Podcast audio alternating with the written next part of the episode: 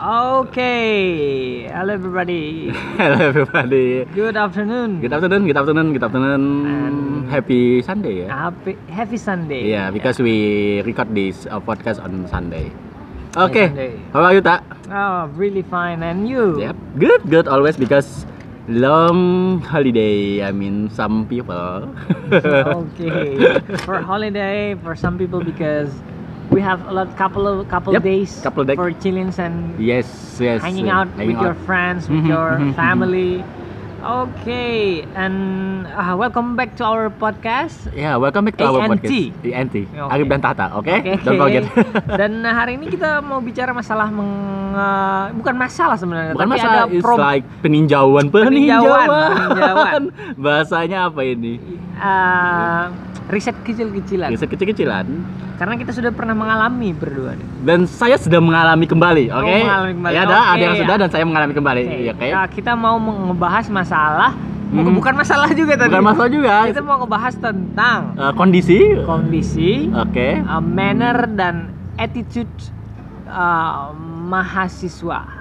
Manner dan attitude mahasiswa, manner dan attitude mahasiswa. Ya, Oke. mungkin yang dari yang Hmm. attitude-nya orang-orang eh, mahasiswa dulu, Ya. zaman-zaman kita, Kak, Ya, ya, ya, ya.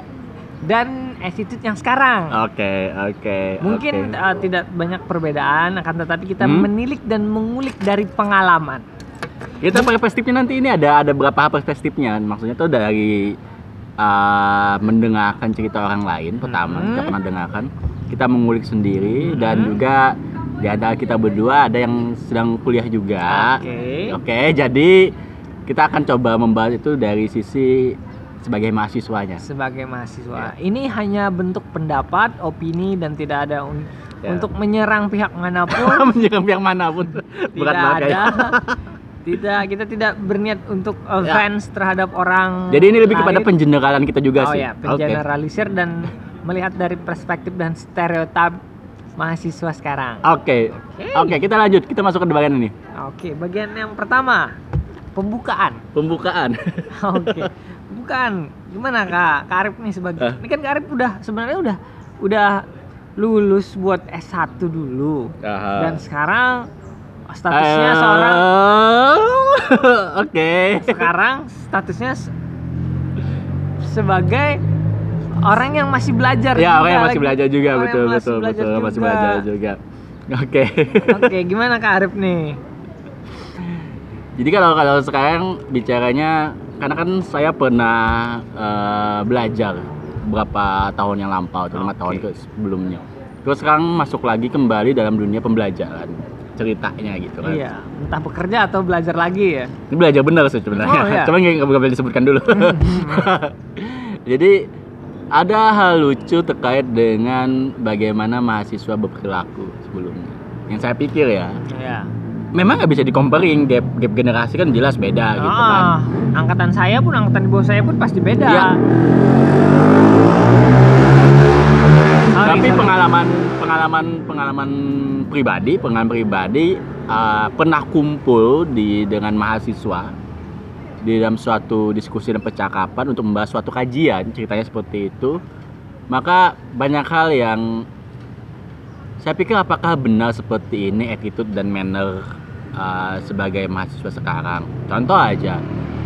Contoh uh, hal yang paling nyata adalah kita sangat kita bukan mereka atau ya saya juga ya kadang kala tapi kita mereka aja ya, supaya enak ya supaya saya lebih enak gitu kan Hmm.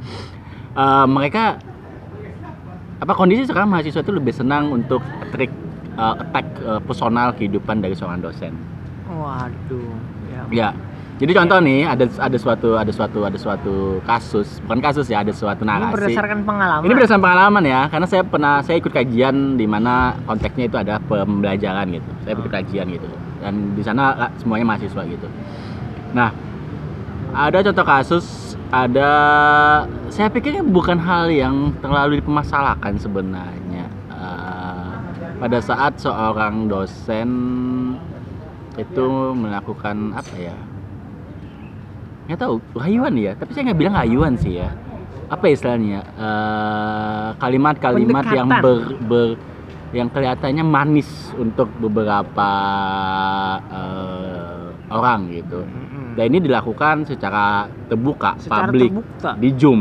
Di karena kan Zoom. karena kan kajiannya memang melalui Zoom toh Ah, sekarang. web web banner. Ya, web banner. So uh, pada saat itu dilakukan oleh uh, uh, pengajar tersebut, maka di suatu grup itu rame memperbincangkan, Pak. Iya. Jadi memperbincangkan yang sifatnya uh, Personal. Personal, personal itu mulai dari status kehidupannya diumbar, kadang-kala ada aja tuh mahasiswa yang coba cari-cari itu.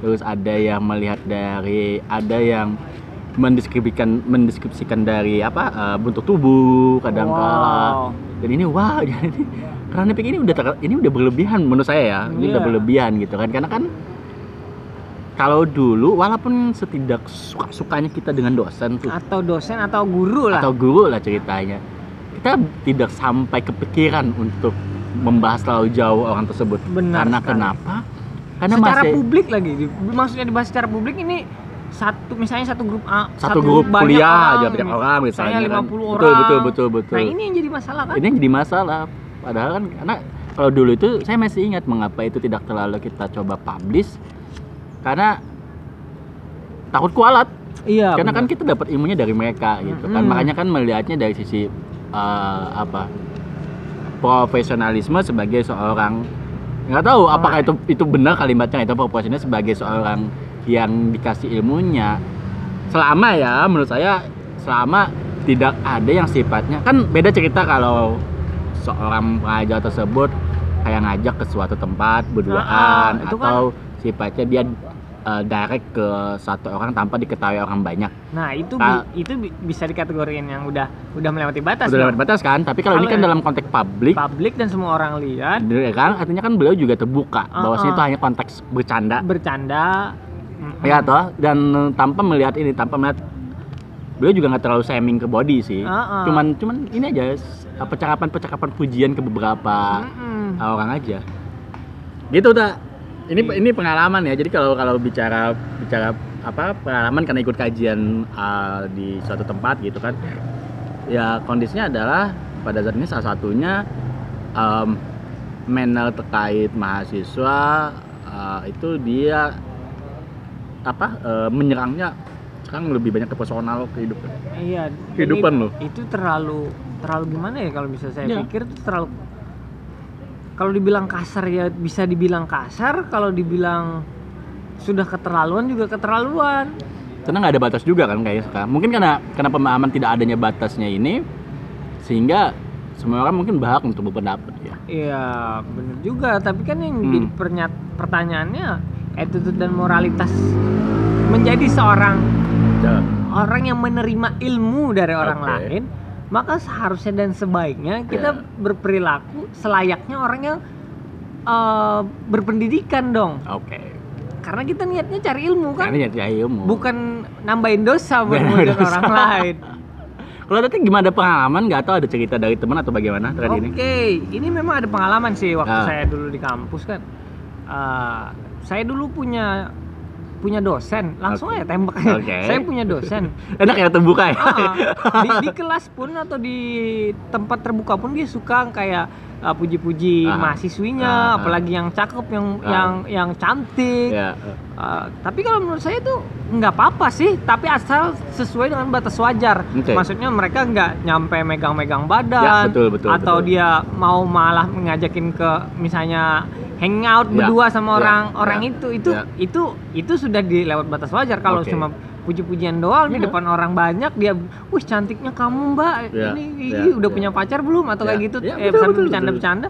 Kalau saya nggak sih nggak nggak masalah. Mhm. Tetapi ketika dia mengajar, dia expert dan bukan maksudnya expert itu dia memang profesional. oke Dia nggak Oke. pernah uh, meninggalkan tugasnya sebagai seorang pengajar. Dan ilmu yang dikasih pun sama mahasiswanya, Hmm. sama mahasiswinya Hmm. memang sesuai dengan dengan kapabilitas dan profesionalismenya sebagai seorang pengajar. Nah, itu maksud saya nggak apa-apa karena uh, sifatnya yang lebih kepada buk, buk- rayu dan goda Ya. itu tapi atas batas wajar tuh nggak saya sepakat sih yang jadi itu. masalah ketika mahasiswinya udah ngejudge orang-orang yang jadi dosen atau apa cuma kayak gitu doang tiba-tiba dijudge orangnya mesum enggak enggak juga terbukti Iya. nah ini ada cerita lagi ya Oke. Tapi ini lebih lebih kayak tertutup gitu sih. Aha.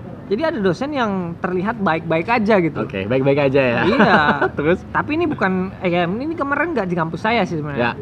Teman saya tuh punya punya dosen. Mhm, mhm. Orangnya terlihat baik-baik aja tak. Hmm. Dia kalau ya ini kalau masalah religion ya kita bilang Ya. ya dia taat lah. Oke, oke. Taat, Eh, terbukti religiusitasnya. Oke. Dan ternyata eh, nggak ketahuan dia ngecat mahasiswinya ngajakin buat ke tempat-tempat kayak klub malam gitu. Gila kan? Wah. Nah ini kan kaget kan saya. Oke. begitu begitu tan begitu ah, istilahnya begitu bermuka duanya Oke. nah oke. ini yang salah kalau ya kalau menurut saya kalau Ya. misalnya orang-orang yang kayak gini ini bisa dijudge sudah tapi kan gimana juga harusnya kita berperilaku yang baik Ya, dan benar Ya, iya, iya, iya. Wah ini luar biasa kalau menurut Hmm. saya dan saya, saya pun harus ber, saya pun berpendapat bahwa ketika kamu menjadi seorang pengajar atau kamu menjadi seorang guru atau kamu menjadi Ya. seorang dosen ha- harusnya berperilaku selayaknya seorang pengajar dong punya Ya, karena ada attitude dan moral yang bisa dikasih lihat kepada orang lain Ya. apalagi dia sudah menikah loh kemarin Hmm. kalau dia masih belum menikah ya mungkin mungkin cari istri lagi ya. iya cari istri dong Eh, kalau cari istri aja kan masih masih masih, oke aja gitu masih oke cerita. aja. Ini Karena dibolehkan punya cari istri lebih dari satu. diam-diam pula astaga Nggak tahu sih mahasiswinya cerita ke teman-temannya ya iyalah ketakutan Iya, kan jatuhnya. takut kan jatuhnya takut nilai jadi E atau nilai nggak nggak masuk kan nah ini yang bahaya Iya kadang kadang kadang satu sisi juga kalau kita bicara tadi kan di di pemasarannya di dosennya ya. Nah, iya, sekarang di pemasarannya. pemasarannya di mahasiswa juga yang ini berasa banget loh tak berasa di di kajian kalau kita buka eh, apalagi webinar Zoom tantangannya itu ada ada tambahan lagi tantangannya adalah pada saat kadang ada celutukan-celutukan yang tidak enak menurut saya pada saat dosennya dosennya ngajar kan dosennya Mm-mm. ngajar ada celutukan misalnya gini ini Eh, via zoom nih. Ini via Zoom. Karena Pengalaman langsung. pengalaman di pengalaman langsung nih kayak Weh, bapaknya bawang. Itu di ini di, di, di depan Zoom itu loh. di depan dosennya juga? Nggak tahu dosennya dengar atau enggak gitu. Wah dan ada entah entah entah saya pikir karena saya gabungnya sama anak-anak yang baru lulus uh, sekolah menengah ya kan? Karena berapa lebih banyak di sekolah menengah gitu kan ketimbang yang uh, sudah bekerja atau yang yang mungkin udah berapa tahun gap uh, itu gap ini itu menyampaikan hal seperti itu. Waduh kata saya ini ini gimana? Uh, karena itu di dalam ininya di dalam zoomnya entah itu bapaknya mendengar entah itu bapaknya tidak nah itu yang jadi jadi pertanyaan juga buat buat saya gitu kadang kala karena kalau sampai bapaknya mendengar ya mungkin kalau bapak-bapak bapak atau ibu dosen yang yang dia tidak masalah dengan kondisi hal seperti itu mungkin diajak bercanda aja. Kayak kemarin tuh weh katanya. Ada cerita gini weh ya. Diambil alih nih siapa yang ambil alih punya dosennya? Siapa yang ambil alih dujum dosennya katanya. Ada celutuk bapaknya. Siapa yang mau ngambil alih katanya. Kan itu jadi jadi jadi bahan lucu juga. Tapi kalau udah udah jatuhnya eh, ngujat ngu- kayak kayak sifatnya itu beliau juga nggak nggak merasa kampret kan itu juga bahaya gitu. Oh-oh. di udah udah udah jaringan agak susah di tempat kita gitu kan. Terus juga harus memberikan pemahaman materi terus juga beberapa anak kayak kita dulu juga gitu kan awal-awal masih kuliah tapi nggak segitunya juga sih ke aturan ya harusnya nggak segitu juga tapi karena merasa semuanya itu bebas gitu jadi ya ya mereka punya punya punya kadang saya pikir sekarang itu karena ranah kebebasan itu sangat besar bagi beberapa orang walaupun ada undang-undang ini ya eh, teknologi kan. Tapi maksudnya tuh itu membuat kepikiran bahwa kita tuh boleh melakukan apa pun selama kita melakukan pembayaran. Kan jatuhnya kayak gitu kalimatnya tuh. Ya kalau saya saya lugaskan seperti itu. Jadi dia boleh melakukan surat nah konsep yang moral ini yang attitude yang baik ini yang tidak pernah diajarkan bukan tidak pernah diajarkan terlupakan bahwa ada etika atau kalau bahasa bahasa hukum itu kan norma ini ya norma eh, kesopanan ya. Norma Iya. kesopanan bahwasanya menghormati orang yang lebih tua pada saat berbicara misalnya atau juga eh, coba untuk mendengarkan dulu mau counter pun secara argumentatif juga counternya yang benar-benar yang dibuat senyaman mungkin gitu. Bukan bukan bukan menggunakan kalimat yang khas untuk itu. Makanya kembali lagi juga melihat secara lebih jauh tentang tentang tentang para pengajar itu seperti apa juga penting menurut saya sih. Oh benar. Ini saya nggak tahu sih Hmm. apakah bentuk bentuk kayak eh, anak-anak sekarang. Hmm. Saya kan termasuk anak-anak. Mungkin anak-anak sekarang zaman saya atau Kamu nggak bukan anak-anak lagi udah tua. Oh, udah tua. Oke oke. Nah anak sekarang masih ada nggak di dalam pikiran Ya. mereka bahwa ketika dia ngatain orang tua atau ngatain guru Ya. atau ngatain dosen, maka ilmu itu akan terkikis. Saya dari dulu masih megang teguh itu loh. Oh Pak. gitu ya. Oh, jadi saya nggak pernah ngatain guru sama dosen itu. Oke. Karena saya yakin dan percaya ketika saya nge- Ah. ngejek itu ilmu itu cepet hilang. Hmm, Oke, I see. Eh, I mungkin see. karena sekarang cepetnya hilang nih. Ya, nih. Mungkin- mungkin karena dulu- kemarin kelakuan dulu ada Iya, beberapa yang ada nyentil ya. beberapa, tapi kan nggak segitunya juga maksudnya. Iya, iya, iya. Sampai di depan publik, di depan grup dan kamu Hmm. ngatain dosen itu. Hmm. Aduh, nggak tahu moral attitude-nya apakah terkikis Iya. atau memang moral value-nya yang menurun, degradasi degradasi moral itu terjadi atau mungkin di Indonesia? terkait moral itu tapi saya sep- kalau boleh kalau boleh secara pandangan pribadi saya saya sepakat dengan ini sih tak sepakat bahwasanya uh, sema anak-anak sekarang tuh agak lebih clear dengan dengan apa ya dengan dengan uh, kalimat-kalimat aturan gitu karena kenapa karena seringnya baca media sosial Ah. pengetahuan yang juga udah didapat jadi kalau saya pikir sekarang tuh memang harus diinfokan lebih awal uh, peraturan perkuliahan tuh yang yang benar seperti apa. Namun itu pun ditindak dengan tegas gitu. Karena kan karena kan kadangkala punya peraturan kuliahnya malah ada beberapa mungkin uh, pengajar yang masih belum mempunyai kontrak perkuliahan untuk itu gitu kan. Jadi dianggapnya main-main gitu. Tapi itu sekarang karena anak-anak itu sangat-sangat ini sangat sangat apa ya?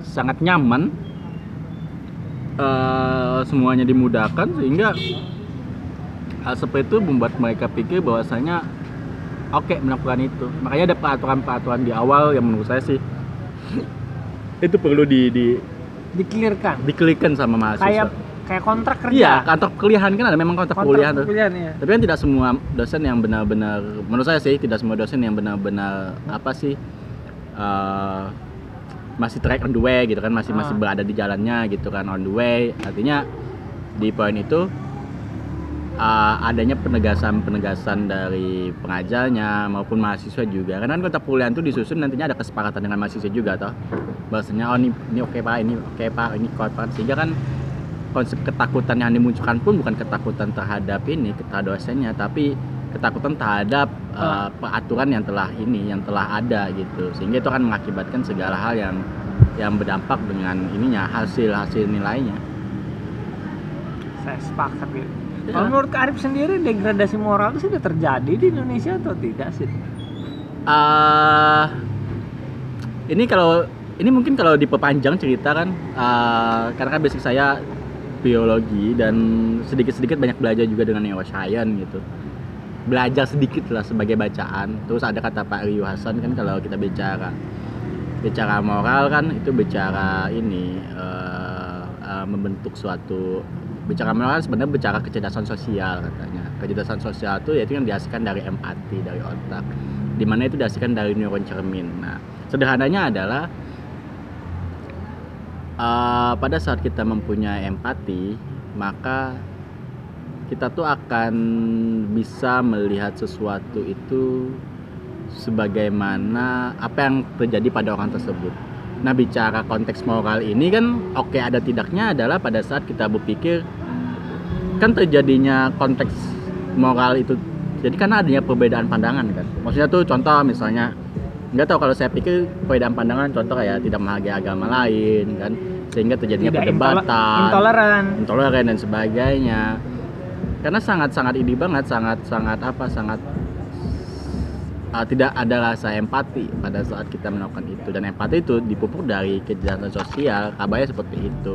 Kecerdasan sosial latihannya yaitu dengan dengan apa ya dengan ya dengan latihan untuk membentuk bagaimana bagaimana kita bisa memahami orang lain. Nah di Indonesia di negara kita khususnya semakin ke sini kan semakin makin banyak kayaknya eh, kaum intelektual menurut saya semakin banyak tapi pengotakannya juga semakin banyak gitu. Uh, pengotakan semakin banyak sehingga kita juga bingung kadang kala mau mau ikut follow ikut yang A atau yang B dan itu juga kadangkala kalau kita tidak benar-benar bekerja ini dengan tujuan kita kita akan kepleset sendiri Oh benar. nah hal seperti itu kan akan mempengaruhi dengan pilihan moral kita juga Oh iya. maksudnya tuh pilih politik aja kita udah memilih moral yang A yang didepankan kan Hmm, benar benar benar. Dan sekarang pun media sosial mempengaruhi kuat Ya. sekali kan sama generasi yang di bawah kita ini. kan. betul betul Apalagi influencer-influencer dibayar dikit pun dia mau ber, ber- bercuap-cuap dan beride sesuai orang yang ngebayar dong. ya makanya makanya sangat abstrak menurut saya memang abstrak sih kan konteks moral itu kan sangat abstrak kan tapi kan kelihatan dengan dengan dengan tingkah laku eh, orang tertentu kayak tokoh influencer yang masih masih dengan baiknya me, me- apa memberikan Encourage gitu. encourage manfaat manfaat dari suatu hal tanpa melirik lebih jauh tentang Who itu is that? saya lupa siapa eh, tapi ada kan beberapa yang yang kadang eh, dulu sebagai ini siapa namanya ya? Dulu yang sebagai yang suka demo juga di pemerintahan terkait dengan jauh banget ya kita bicaranya ya? Ini jauh. ya tapi ya sedikit lah.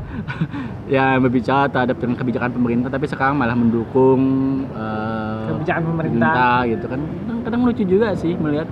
Tapi kan kalau kita bicara lagi ya itu entah itu berhubungan dengan moral tapi saya pikir awal-awalnya juga berhubungan dengan moral yang dipilih sih moral value yang dipilih seorang itu akan mempengaruhi dia bersikap kecenderungan ke mana gitu. Iya benar sepakat. jadi moral value seseorang itu akan menentukan dia akan kecenderungan milihnya apa milih A kah, milih B kah, milih pro kah, milih kontra kah dengan kebijakan-kebijakan yang ada Nah itu kalau dengan dijadikan mahasiswa kalau kita balik lagi kan Ah. pada saat sebagai mahasiswa maka itu tidak akan tidak akan bisa dapat jawaban yang clear. Dan jawaban clear juga perlu dilatih. Artinya bahwasanya contoh attitude untuk berargumentatif yang bagus seperti apa Manner yang bagus manner yang gimana. bagus seperti apa. Walaupun misalnya tidak suka sukanya dengan pengajar misalnya kan. Kalimat pun Setidaknya- kan kalimat misalnya Pak Bu dan sebagainya itu kan memang harus ada Hmm. gitu enggak ya langsung semata-mata Bu saya kirimku tugas ya Iya, nggak Kan bisa. gua ajar banget itu kan. Iya memang. walaupun memang ada beberapa pengajar seperti itu tapi kan biasanya pengajar seperti itu dia udah menyampaikan di awal Ah. it's okay sama bapak ibu Iya. seperti itu tapi etiknya Etiknya ya lebih baiknya assalamualaikum, salam atau Yes. selamat pagi. Uh, kenalin hal sederhana aja nggak usah di di kalangan pekerja juga tak sangat sedikit sekarang kita temukan uh, penggunaan uh, penulisan email yang nyaman. Oh, iya. yang assalamualaikum pak ibu. Mohon maaf ini adalah report kami. Maka untuk ini udah untuk ini saya coba kirimkan uh, data-data dan lain-lain. Itu juga susah. Astaga. Ya Udah memang waktunya udah kayak gini kayaknya. ya itu jadi kita bahas manner Manner bannernya sudah berubah. yap yap yap Terjadi degradasi moral menurut pandangan kita ya tapi nggak yang terlihat sih berdasarkan pengalaman. Ya. Tapi ingat lagi bahwa ini bentuknya opini dan pendapat kita Ya, masing-masing. mungkin karena kita merasa tua juga sih No offense. ya udah gitu aja. Ya, udah sih. gitu aja. Oke. Kayaknya cukup dulu deh. Cukup ya, Kita oke. udah 20 menit. siap siap siap 20 minutes and that is our podcast for today. Mhm. Thank you very much and see you next see you week. next week ya Oke, oke bye-bye. salam balik Lia ngechat ke Arif. Kata kita ke janji jiwa yuk jar Lia. Oh.